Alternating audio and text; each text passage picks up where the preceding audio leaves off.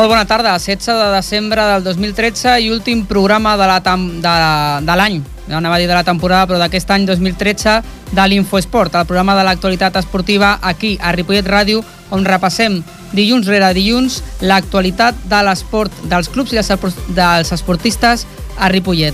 Com sempre, començarem amb el repàs del marcadors abans d'endinsar-nos en l'actualitat a fons dels diferents equips. Començarem amb els resultats a partir d'ara. El marcador. I ho farem amb la, el nostre company, el Ferran Rigat. Ferran, bona tarda. Bona tarda, Òscar. Doncs començarem amb el tenis taula, la divisió d'honor estatal femenina, una de freda i una de calenta per a l'autoescola Tatxipol Ripollet. Així és, dos enfrontaments disputats per les noies aquest cap de setmana, en un doble desplaçament i tots dos duel, i tots els duels s'han decidit en el desempat. En el primer, dissabte, derrota a Saragossa per 4-3. A cada triomf ripolletenc, les saragosanes van respondre empatant i el setè i definitiu partit, Berta López i Cristina Vico van perdre per 3 sets a 1. Ja diumenge l'equip jugava a Vitoria davant del Proyem Gasteiz.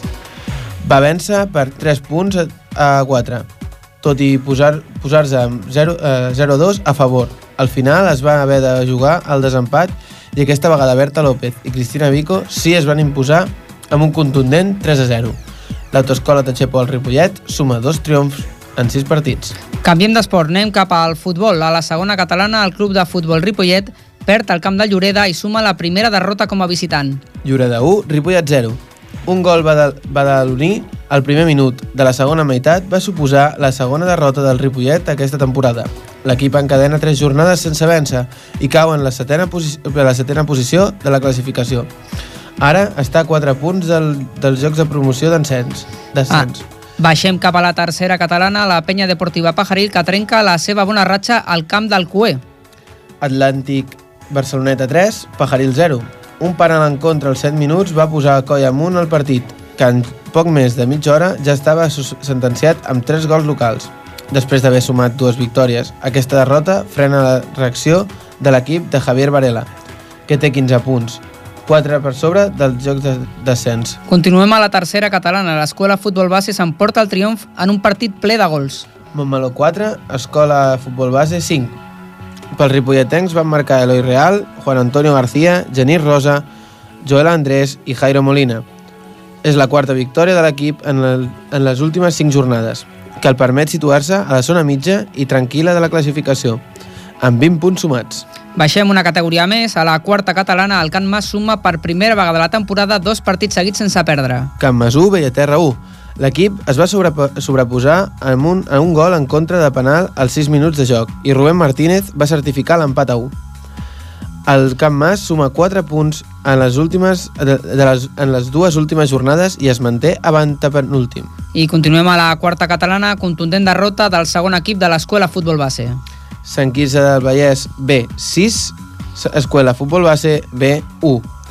El gol de Dani Benac va arribar quan ja perdien per 3 a 0 i no van poder ser, no van, no va poder ser l'inici d'una remuntada. L'equip comparteix la cua de la classificació amb la Salle, amb només un punt en 11 partits. Anem cap al futbol femení. A la segona catalana, l'escola futbol base femení segueix fent fort al camp de l'industrial, tot un fortí. Escuela Futbol Base Femení 5, Lliçà d'Amunt 3. Tres gols de Josefa Tirado i dos de Carla Sa- Saraiva van donar una victòria fàcil, que les visitants només van poder maquillar en el tram final del maig. El femení de l'escola de futbol base és, quart, amb 21 punts de 27 possibles, a un punt del segon classificat. El club de futbol Ripollet femení no pot donar la sorpresa davant de les líders. Club Futbol Ripollet Femení 0, Pubilla Cases 2. Dos gols visitants en el primer quart d'hora van posar coll amunt al partit. L'equip suma la cinquena derrota de la tercera temporada, després de dues victòries seguides. A la tercera divisió nacional del futbol sala, primera derrota de la temporada per al primer equip del futbol sala Ripollet. Lloret Costa Brava A 5, Futbol Sala Ripollet 4. Els ripolletecs es mantenen primers a la Lliga, tot i, les, i la derrota per la mínima. A la tercera catalana, sisena victòria en 10 partits jugats per a l'Inter Ripollet. Així és, ri, eh, L'Inter Ripollet, Can, eh, el camp del Can Cullàs. Vale. Uh, disculpa, sisena victòria, uh, com has dit, l'Inter Ripollet goleja per uh, 5 a 1 al Can Cullàs. Fora de casa per intentar millorar la seva ratxa de victòries per, per consolidar la segona posició. El futbol sala femení a la divisió d'honor catalana derrota de les noies de Xavi Peñarando. A Can Clos 3, Manfil Santa Coloma 6, segona derrota consecutiva del Camp Clos. Uh, passem a hoquei patins. A la segona catalana tornen a guanyar després de tres derrota els nois del Club Hoquei Patins. Club Hoquei eh, Patins Ripollet 9, Molins de Rei B 5. Els ripolletens porten 21 punts en 10 partits. En bàsquet, a la primera catalana masculina, el quart, eh, quart classificat l'equip empatat amb el segon i tercer, el, perdó, ja m'he canviat de línia. El Club Bàsquet Ripollet guanya el seu partit davant la Palma. Uh, la Palma 94, uh, bàsquet Ripollet 97. Els blaus tornen al camí de la victòria jugant a fora de casa. A la territorial, Gasó perd a casa. Luke Store Gasó 54, Ubemir C 65. Segona derrota consecutiva que els despenja de les primeres posicions. Continuem a la territorial, nova derrota per al segon equip del Gasó. Gasó B 57, Sant Just, Ubemir A 73. Contundent derrota a casa. I acabem a la territorial masculina amb derrota fora de casa per a l'equip d'Altimira, el segon equip del Ripollet. Sant Just, Guinot, Prunera, 65, bas eh, bàsquet Ripollet B, 57. Actualment segueixen segons amb 17 punts a un del líder. A la tercera catalana femenina hi ha hagut descans, per tant no han jugat ni el Gassó femení ni el Club Bàsquet Ripollet femení. I acabem amb handbol, a la tercera catalana el Club Handbol Ripollet suba una novena victòria, una nova victòria, perdó. Sant Esteve de Palau Tordera 28, Club Handbol Ripollet 34. Els de Sant Llop es mantenen invictes amb 7 victòries enrolant una bo molt bona ratxa de victòries. L'equip de la setmana.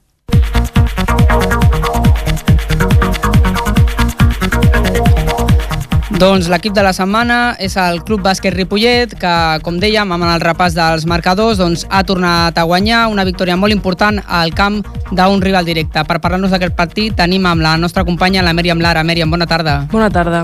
Hem estat parlant amb un dels jugadors del sènior A del Club Bàsquet Ripollet, l'Antonio Quirós, qui ens ha parlat una mica sobre l'últim partit guanyat a la pista de la Palma A amb un resultat de 94, 97 i també sobre com es veu la temporada dins de l'equip.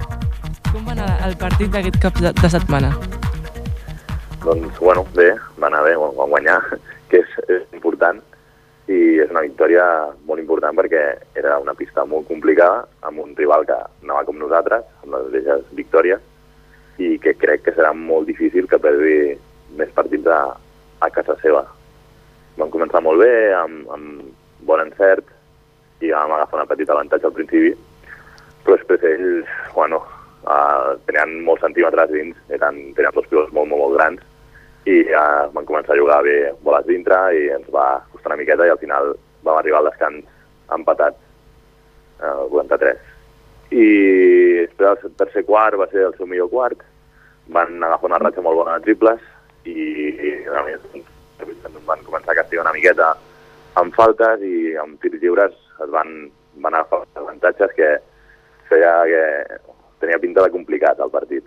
Però igual que la setmana passada vam tornar a lluitar sense, sense llançar el partit i, i al final, bueno, amb tirs, assegurant els tirs lliures, amb canastes de 3 i, i jugant bastant bé, vam, vam aconseguir treure la victòria que, com, com he dit abans, és una victòria bastant, bastant, bastant de mèrit.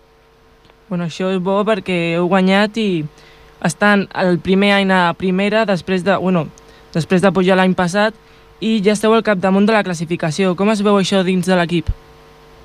Home, és una petita sorpresa, no? Perquè, com dius tu, venim de, de pujar directament de, de l'any passat a, de segona a primera i nosaltres, doncs, bueno, teníem la idea de, bueno, anar partit a partit però assegurar la permanència i, i aquest era el nostre objectiu, però bueno, vam començar molt, molt, molt bé, amb sis victòries seguides i després hem tingut un petit batxe però que l'hem sabut treure endavant i ara doncs res, continuar i, i el que arribi doncs, doncs arribarà. No tenim cap objectiu de pujar ni res, però si a final de temporada estem a dalt, doncs ho competirem fins al final i mm. crec que tenim, una, una vegada que ja hem vist gran majoria dels equips, tenim suficient plantilla per, per estar lluitant per tot.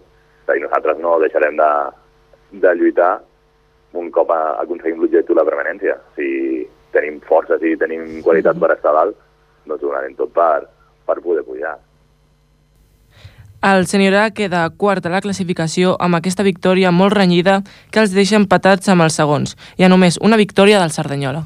Doncs l'equip que, que durant un, unes setmanes doncs, va estar una mica més irregular, sembla que ha recuperat el to i que pot mirar cap amunt amb, amb més certesa per intentar lluitar per aquest ascens de categoria.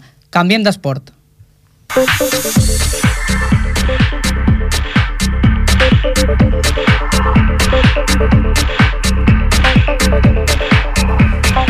Anem a l'hoquei patins, eh, perquè, com us comentàvem, el Club Hoquei Ripollet va tornar a retrobar-se amb el triomf després de tres derrotes consecutives, l'equip que jugava davant el QE i que va guanyar per 9 gols a 5.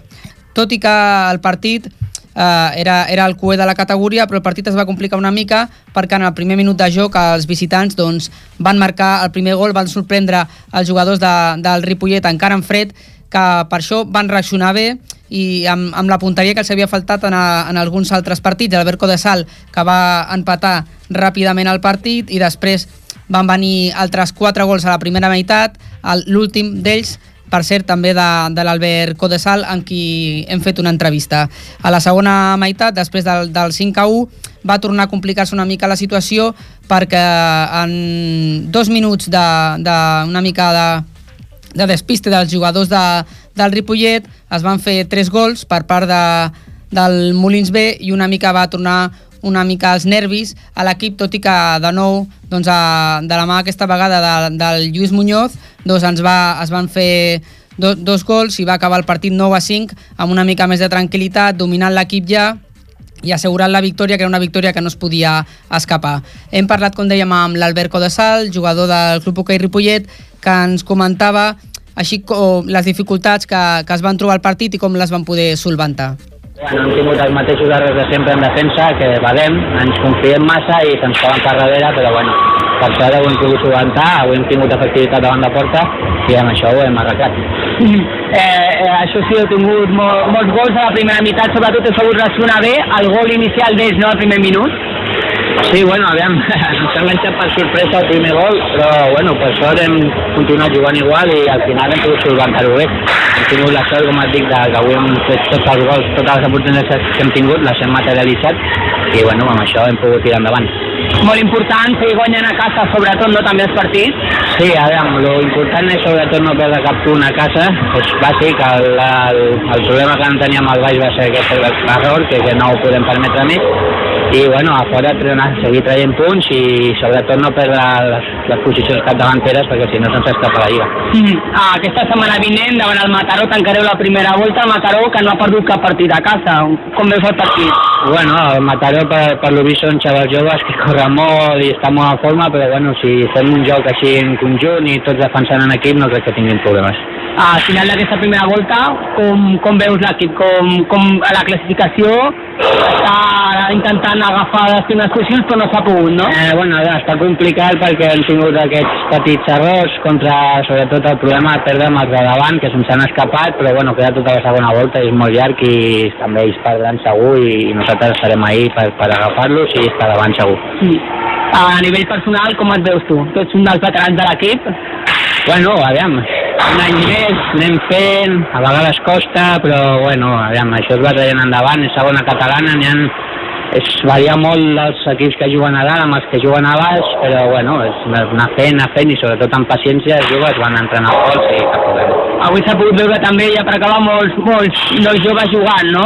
Uh, L'equip doncs està incorporant a poc a poc gent jove també. Sí, aviam, són els xavals puixen molt fort i estan jugant molt bé i pues, per tant si entrenen bé amb nosaltres, entren cada dia i tenen l'oportunitat de jugar i bueno, ho hem fet un gol o dos, un d'ells pues molt bé, per mi perfecte. Si poden ajudar que l'equip tiri endavant. Doncs el Club Hoquei Ripollet, que suma 21 punts en 10 jornades, per tant 21 punts de 30 possible, no és un mal bagatge, però hi ha equips que estan a, a apretant molt i per tant l'equip doncs, ha, de, ha de seguir donant la, la talla les properes jornades per no deixar escapar al capdavant de la classificació el Valls i el Molins i el Sitges, que són els equips que, que té per davant.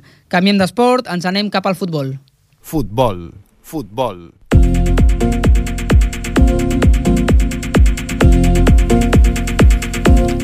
I començarem per l'apartat femení del futbol. Aquesta setmana passada, com aquest cap de setmana, com us comentàvem abans en el repàs, doncs l'escola futbol base femení que ha sumat una nova victòria. Per parlar-nos d'aquest partit tenim el nostre company, el Jordi Soteres. Jordi, bona tarda. Hola, Òscar, bona tarda. Habitual de, dels partits de futbol, què ens expliques de com va anar aquesta nova victòria de l'equip? Bueno, sí, van jugar contra el colista, el Lliçà d'Amunt, i realment no semblava un colista. El, el, el tema va ser que l'escola de futbol base va jugar un gran partit, una, una primera part fantàstica, estupenda, destacant la jugadora amb el número 23, Carla, una jugadora fantàstica, una futbolista estupenda, sobre la que va pivotar tot el joc de l'equip i que a vegades participa potser amb accés en el joc, per, és una jugadora que té una àmplia, una, té moltes ganes de participar amb ell i a vegades participa amb accés i seria bo pues, que, que no, no es desgastés tant perquè el partit dura 90 minuts i és molt llarg i, però sí que és veritat que és una jugadora que val la pena veure-la i que fa que el rest, la resta de l'equip tingui, tingui un nivell molt alt. Uh -huh. Mm, és, eh, en, en l'equip hi ha una nena que és, és una nena, realment és una nena, una cadet, la Júlia, que juga força bé. És amb unes, amb unes edats tan diferents, aquesta noia amb edat cadet, 15 anys, mm -hmm. Juga amb elles i juga força, força bé. És una nena que juga de defensa, jo la vaig veure jugar a la segona part amb, amb punta de, de, a l'extrema esquerra i, i fa goig veure una noia tan jove mm -hmm. fent-ho tan bé.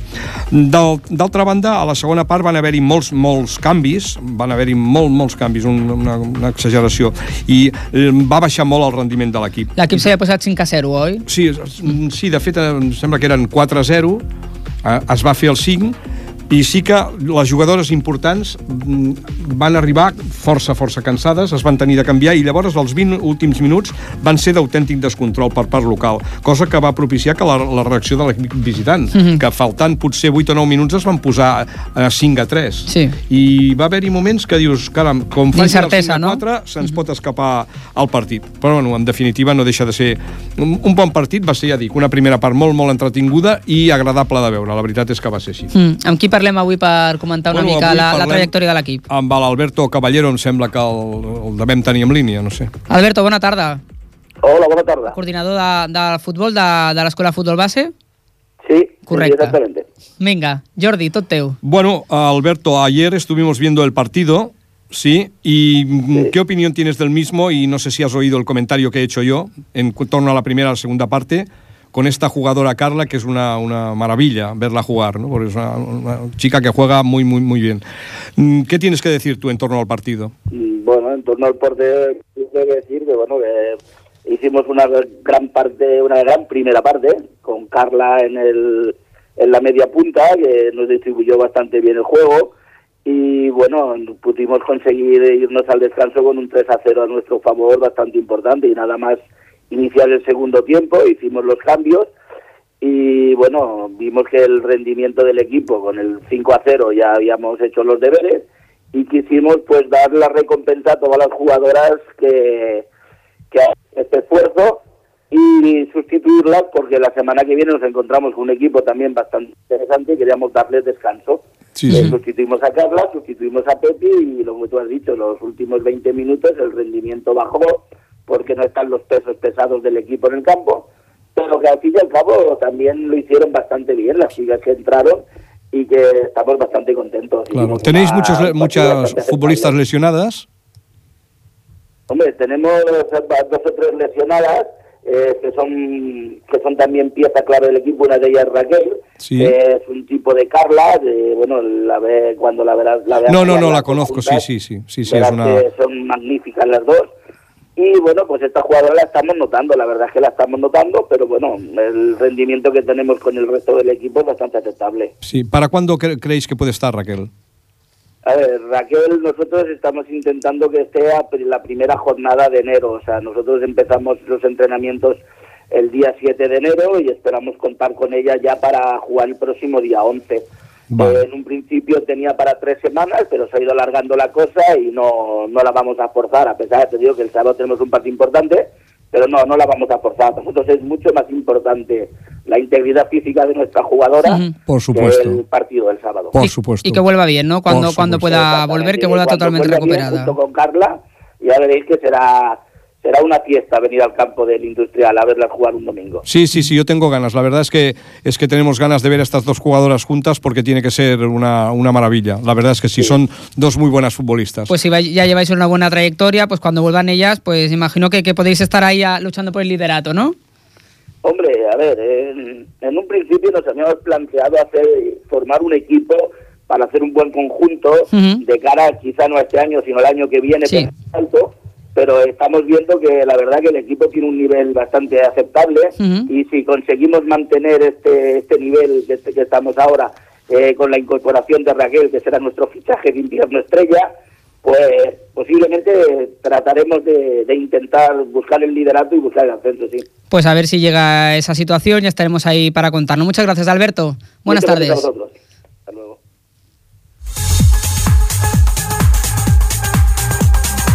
Gràcies, Jordi, bona tarda. Moltes gràcies a tu, Òscar. Continuarem amb el Pajaril, eh, baixant una categoria, eh, perdó, no baixant una categoria, anant cap a la tercera catalana masculina, perquè el Pajaril, com us comentàvem al, al principi, en el repàs dels marcadors, doncs ha perdut per 3 gols a 0 al camp del Cué, un resultat dolent després de- d'una bona ratxa de dues victòries consecutives de l'equip, que li semblava que li donava una miqueta de tranquil·litat, avui hem parlat uh, amb l'Ignasi Serra, un dels jugadors de l'equip, que ens ha explicat com va anar aquell partit.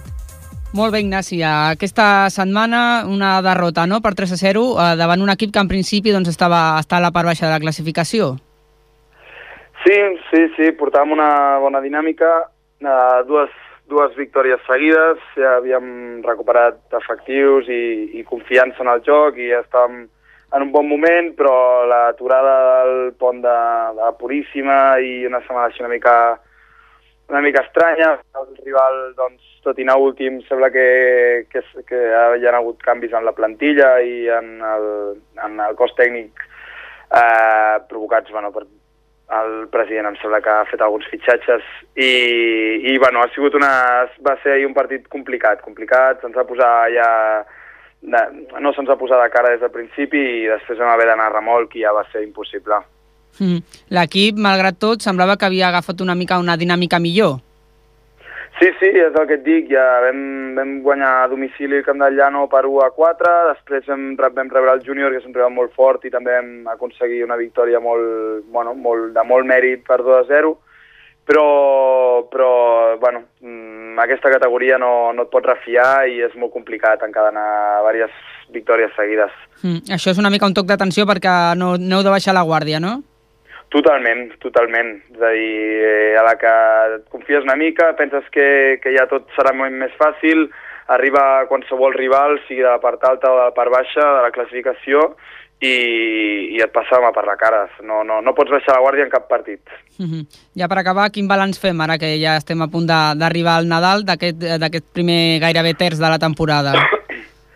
Mm, Bé, mm, en part positiu i en part negatiu. Ens ha costat més del que ens pensàvem aclimatar-nos a la, i acostumar-nos ja a la nova categoria i als rivals, als camps, al tipus de futbol que s'havia de practicar. Eh, sembla que, que estem prenent la mida, però també hem tingut bastants problemes amb lesions i això, llavors sembla que hi ha aspectes positius, sobretot ara cap al, cap al final però, però bueno, s'ha de treballar molt, s'ha de treballar molt encara, però, però bé, jo crec que la línia acabarà sent més bona que, que dolenta. Mm -hmm. S'ha de buscar la fórmula de trobar una situació més tranquil·la a la classificació, no, també?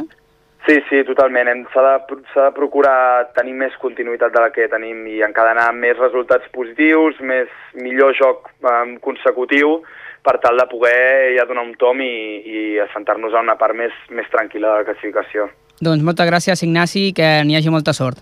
Molt bé, moltes gràcies. a Vinga, vosaltres. bona tarda. Adéu. Esteu escoltant Infosport. I acabarem el futbol, aquest repàs del futbol, baixant una nova categoria, a la quarta catalana, on el Camp Mas sumava aquest cap de setmana un empat contra el Bellaterra, 1 a 1, en el segon partit consecutiu en què puntuava una fita molt important perquè l'equip portava tot de derrotes fins a la jornada anterior i l'equip doncs, sembla que està reaccionant una mica. El nostre company, el Marc Mata, va estar veient el partit i ens explica com va anar. Bona tarda, Marc. Bona tarda, Òscar. Ahir el Can Mas es va enfrontar a casa amb el Villaterra amb un marcador 1 a 1. El partit va començar amb molt poca gent a la grada i dominat per l'equip visitant. Aquests van marcar el seu gol en el minut 6 en una escapada en vertical d'aquest equip. En el minut 35, el Can Mas, en un fort xut de falta, la pilota va estavellar al travesser en el que fins al moment va ser la millor oportunitat local. Al final de la primera part, el Can Mas va desenvolupar el seu millor joc i fruit d'això va ser la jugada en què va ser anul·lat el seu primer gol. Però la jugada va ser anul·lada per l'àrbitre per un suposat fora de joc en una decisió molt protestada al camp i a la grada. Dos minuts més tard va arribar el, el gol de l'empat que transforma en Rubén Martínez, un penal en l'àrea visitant. Amb aquest resultat va acabar la primera part. La segona part va estar dominada pel Camp Mas, que va tancar el Bellaterra en el seu camp durant els 45 minuts. Aquesta pressió es va traduir en un seguit de faltes que l'àrbitre, molt rigorós en les seves decisions, va acabar fent fora del terreny de joc a tres jugadors locals, dos vermelles directes i un jugador visitant. Així es, va, es van poder veure diverses jugades amb un refús del porter visitant a córner que després el Camp Mas va disparar al pal en, en la que va ser la, la jugada més clara. Al final del partit, el porter local, amb 8 jugadors, va fer una gran intervenció assegurant l'1 a 1. Quan va acabar el partit van poder parlar amb Raúl Sánchez Pérez, jugador del camp. Bueno, parece, parece que empezáis a salir de la zona baja de la clasificación. Sí, ya llevamos una victoria y un empate seguidos.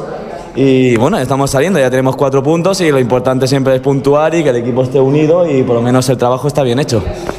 Os habéis enfrentado a un equipo, el Bellaterra, con el que os llevabais ocho puntos de diferencia. Este otro partido que suma. Sí, siempre... Si bien no abandonáis la zona baja de la clasificación, ¿qué ha cambiado en este, en este equipo? Hombre, ahora ya la actitud es diferente, ya nos conocemos, llevamos ya tres meses seguidos trabajando dos días a la semana y ya nos vamos conociendo y ya lo que es el trabajo en equipo ya lo tenemos asimilado ya, poco a poco ya, vamos haciendo. Pese a las expulsiones, habéis seguido luchando. Sí, nos hemos quedado con tres hombres menos en el campo, pero bueno, era ya conservar lo que era el empate y si teníamos alguna ocasión, meterla, pero bueno, lo importante era conseguir el punto, aunque sea puntuar en casa. La semana que viene os enfrentáis a, a un equipo que va un puesto por debajo de vosotros, la Escuela Fútbol Base, que no ha ganado ningún partido. El derby con la moral muy alta después de hoy. Sí, bueno, siempre, como hemos dicho antes, lo importante es puntuar y claro, es un derby. Jugamos otra vez aquí en nuestro campo, aunque sea como visitantes, pero lo importante será puntuar y si seguimos trabajando así, yo creo que lo conseguiremos. Pues muchas gracias y mucha suerte. A ti y a vosotros. Más.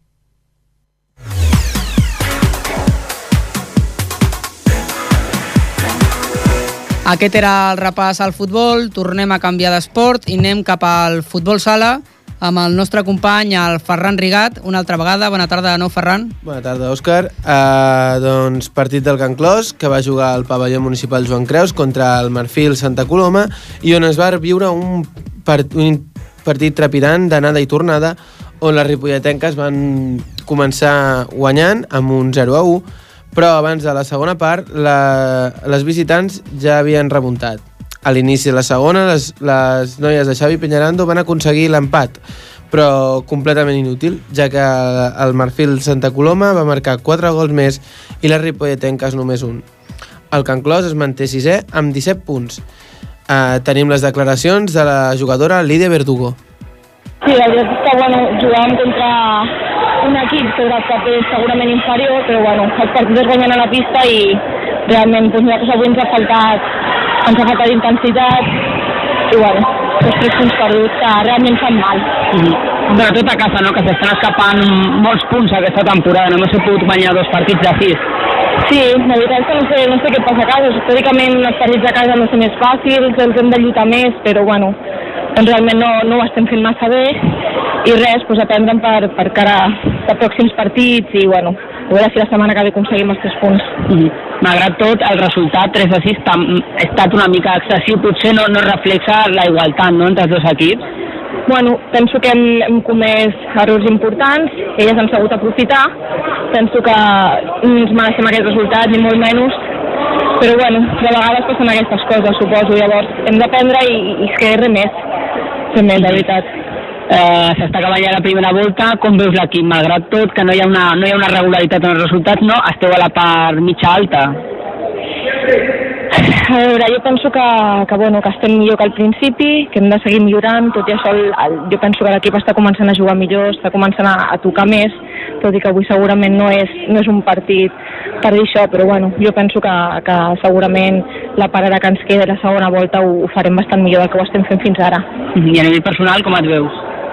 Jo bé, jo molt contenta amb tot l'equip, amb totes les jugadores, realment a ningú li agrada perdre, llavors avui és un mal dia perquè m'ho preguntis segurament, però, però bueno, bé, la veritat és que sí, em sento molt còmode i molt bé. Doncs molta sort aquí endavant, gràcies. Moltes gràcies. Tenis taula. Tenis taula.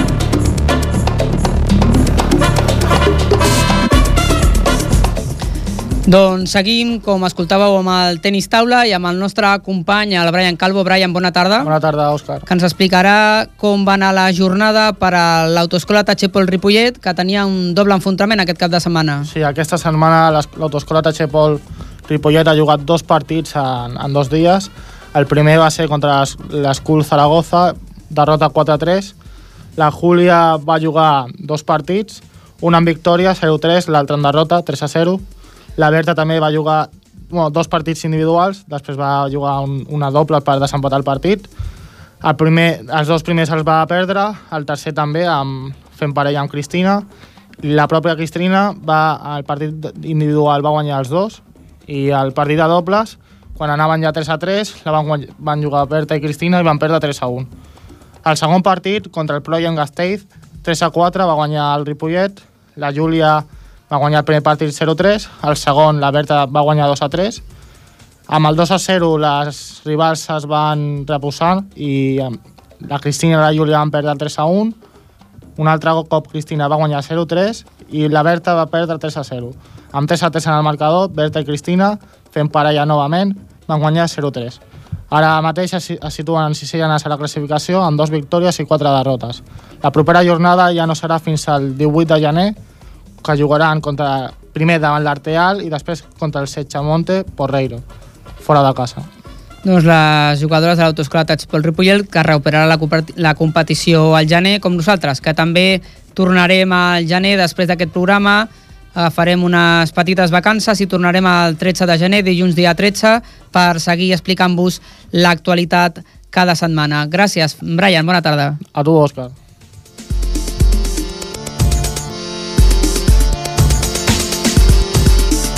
L'entrevista.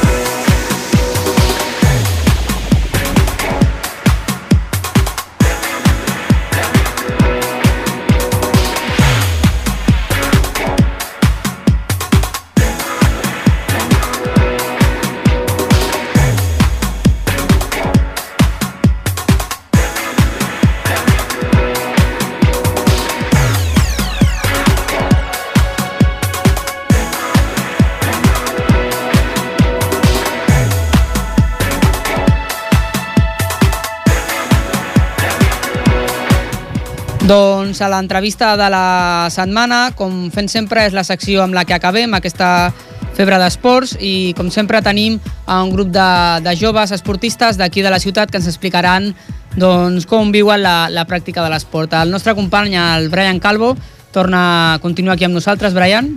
Hola, Òscar. I ha portat un, un equip de nois aquesta vegada de, que juguen a futbol sala. Sí, aquest, són cinc jugadors del futbol sala de vi i que tenen 11 anys, un es diu Adrià, l'altre el Sergi, l'Adrián, Víctor i Javi. Comencem l'entrevista, primer amb una pregunta senzilla. Per què va començar a Primer- jugar a futbol sala i a quina edat? A veure si se'ls fa el riure, que, que, que estan rient una mica. Comencem amb algú i així tots ens posem seriosos. Vinga. Va, tu mateix, Adrià. Adrià, respon a, fes la pregunta. Brian, vinga. Eh, vaig, vaig Al micròfon. Apropa't al Apropa't al micro. micròfon. Vinga. Vinga. Eh, vaig com... ¿Puedes repetir la pregunta? Eh, ¿a, a qué edad comenzaste a jugar a fútbol sala y por qué? Comencé a jugar a fútbol sala hace dos años porque quería mm, probar a ver lo que era el fútbol sala. Vale. ¿Y alguno más, Sergi, tú qué? Bueno, pues comencé hace... sí. Va. Pues això no fa riure, no? Que parli un altre. És que si rieu no us donarà temps de parlar i les vostres famílies no s'escoltaran a casa, eh? Vale. Vinga, Adrià, eh, Sergi, perdona. Comencé hace seis años en el Moncada Fútbol Club y bueno, pues me instalé aquí hace unos meses y de verdad que estoy la más de gusto. Me tratan muy bien y bueno, ¿Cada cuánto entrenáis? ¿Y con qué, bueno, qué es lo que más practicáis? Eh, entrenamos tres días a la semana y lo que más practicamos son técnica. ¿En, en qué posición jugáis todos? ¿Uno por uno? Eh, yo juego de cierre. yo de ala, Yo pivot. Yo portero. Yo juego un poco. juego a veces de ala, a veces de cierre y a veces alguna vez me ponen de pivot. ¿Y eso cómo, cómo se lleva? No tener una posición fija. Bien, porque casi siempre estamos todo el rato rotando, entonces pues es lo mismo. ¿Te gustan todas las posiciones? Sí, porque tú empiezas en una posición, pero lo mismo acabas en tu posición verdadera, Ujú. la real. Explicarnos un poco los sistemas tácticos que practicáis. El portero de sistemas tácticos, él está más en la portería. Que miraban todos al portero, venga, que, que siga Adrià otra vez. Eh, bueno, practicamos. Acércate al micro, Adrià, que te vas para atrás y entonces no te van a oír en casa. Eh, practicamos, yo qué sé, ¿Alguno, alguno que practiquéis con más asiduidad? eh, 2-1-1, que es un, es para, es un juego de, de Y y es para apretar a- al contrincante. Eh, ¿qué, qué os gusta más de, de este deporte? Por aquí levantaba la mano, venga. A mí lo que me gusta más de este deporte es que no haya fuera de juego, porque siempre me quedo yo fuera de juego. Porque antes jugabas a fútbol. Sí, y ¿Y de qué, de qué jugabas? en el fútbol Sí. jugaba de lateral. Y ahora es mucho mejor, ¿no? Sí, porque así hay segundo palo y así la puede pasar y ya se queda sin portero y sin nada. Eh, El portero, que ha hablado poco, venga. ¿Por qué te gusta el fútbol sala? Venga, no. Antes, Por la an- jugada de cinco. antes me has dicho que también porque los porteros marcan goles, ¿no? Sí, porque en fútbol el portero no tiene oportunidad de marcar gol. En fútbol sala sí que tiene oportunidad de marcar gol. ¿Y cómo es eso de que tiene oportunidad de marcar gol? ¿Cómo, cómo lo hacéis? Porque está la jugada de cinco que el portero hace como un jugador más. Sube, marca goles. ¿Y alguna vez has jugado de portero jugador? Sí, muchas veces. Ayer, por ejemplo, marqué Ujú. Y marcaste. Sí. O sea que ya llevas goles. uno. ¿Y eso cómo, cómo lo llevan los demás jugadores? Lo llevamos bien porque así más rotamos y el contrincante se pone nervioso, entonces Ujú. tenemos más oportunidad de chute. Esto es una, un trabajo táctico que en otros deportes pues, pues no se da, ¿no? Y No. imagino que para el portero pues es mucho más, incluso más satisfactorio no solo estar atrás parando balones, ¿no? Sino bueno, poder ayudar a tus compañeros también a, arriba.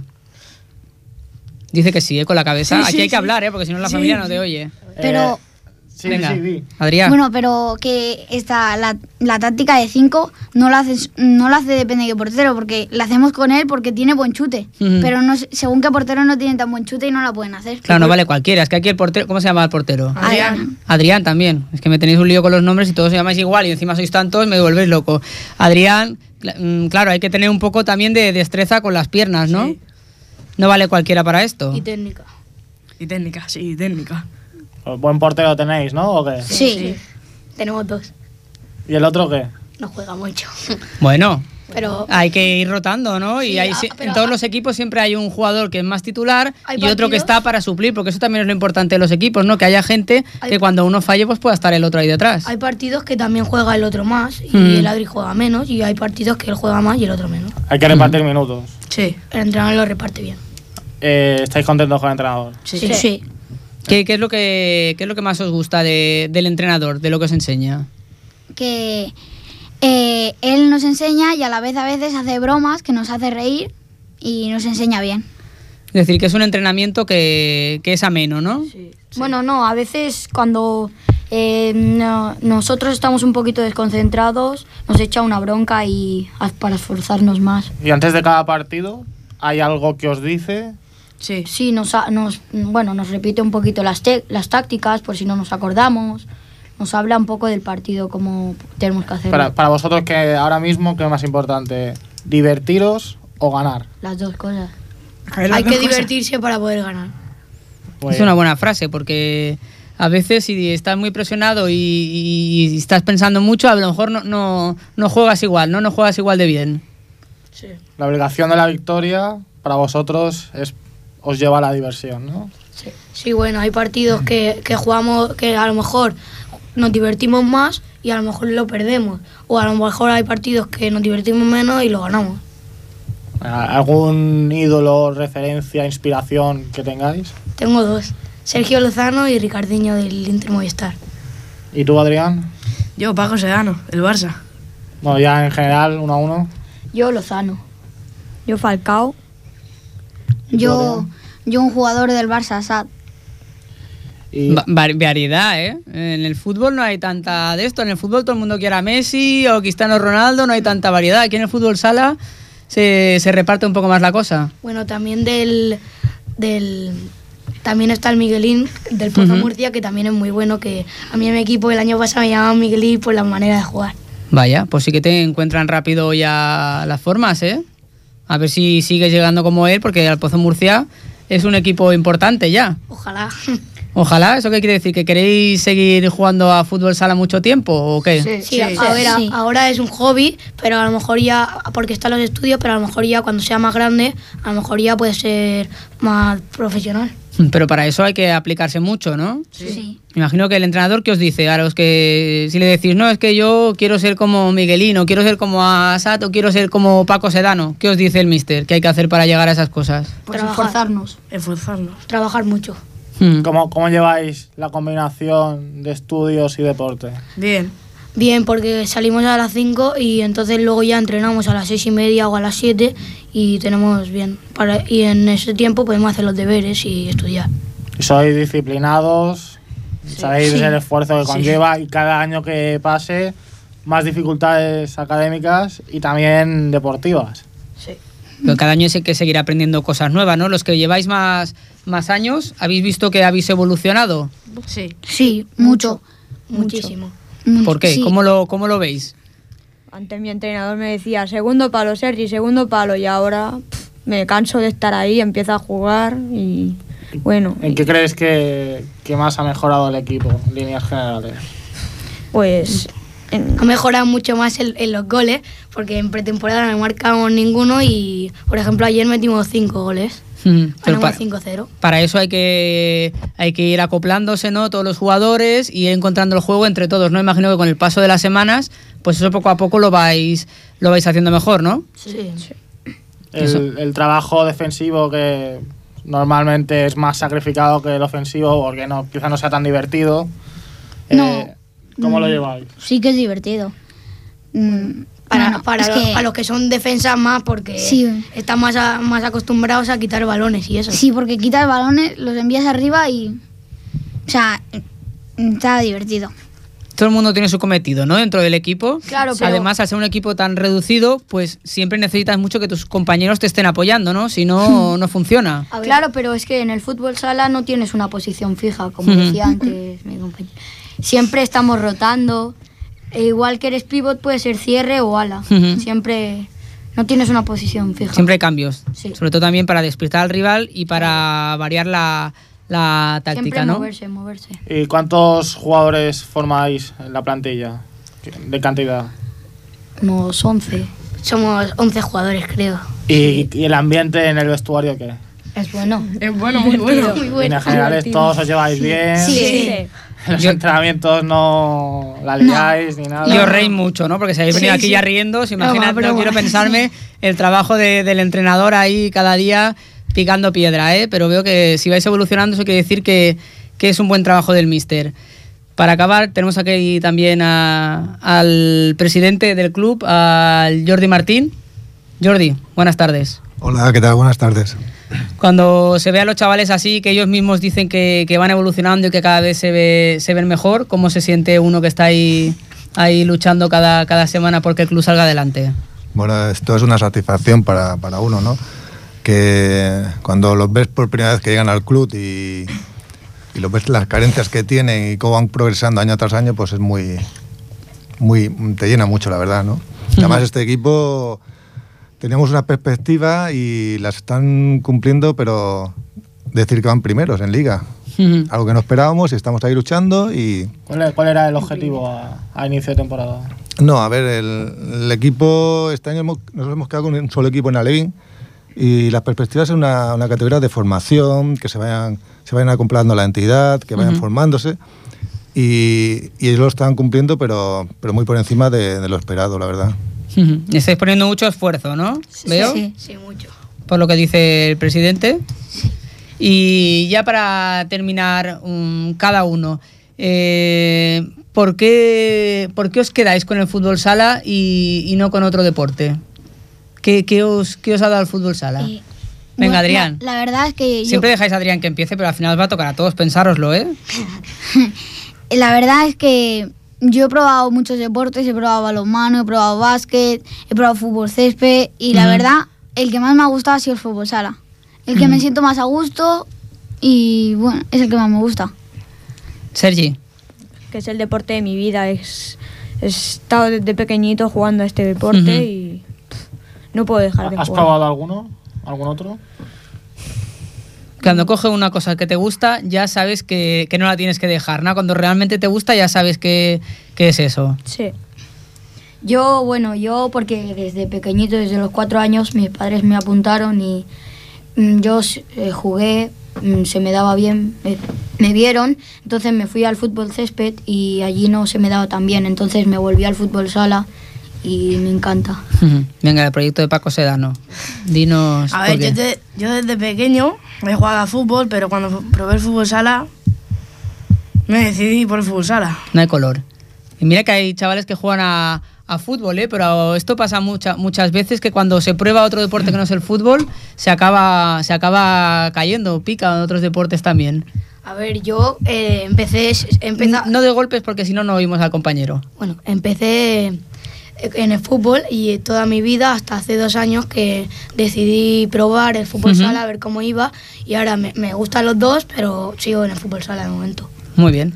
Pues os deseamos que, que sigáis en el fútbol sala mucho tiempo. Eso querrá decir que seguís aprendiendo, que os siga gustando y que, y que desde el club, desde el fútbol sala Ripollet, pues están haciendo bien las cosas para que los chavales estén a gusto y practiquen deporte. Gracias a todos por venir. Nos encontraremos algún día si seguís ganando a final de la temporada. Si subís de categoría, nos comprometemos aquí a que, a que os volvemos a entrevistar, ¿vale? Y nos Vale. explicáis cómo ha ido toda la temporada. Vale. Gracias a todos, gracias Jordi. Adeu. Adeu. Espera un momentito que nos despedimos. Eh, como os comentábamos antes, es el único, el último programa de 2013, así que os deseamos a todos unas buenas fiestas, que nos reencontremos en enero y podamos seguir explicando pues todos los logros que está consiguiendo el deporte de Ripollet, tanto desde la base, como hablamos ahora, como los equipos seniors que están haciendo muy buen trabajo y que esperamos que en el 2014 lo sigan haciendo. Nos reencontramos el 13 de enero aquí en Ripollet Radio desde Inforsport. Buenas tardes, os habló Oscar Torrico, en el control técnico Jordi Puy. Hasta el 2014.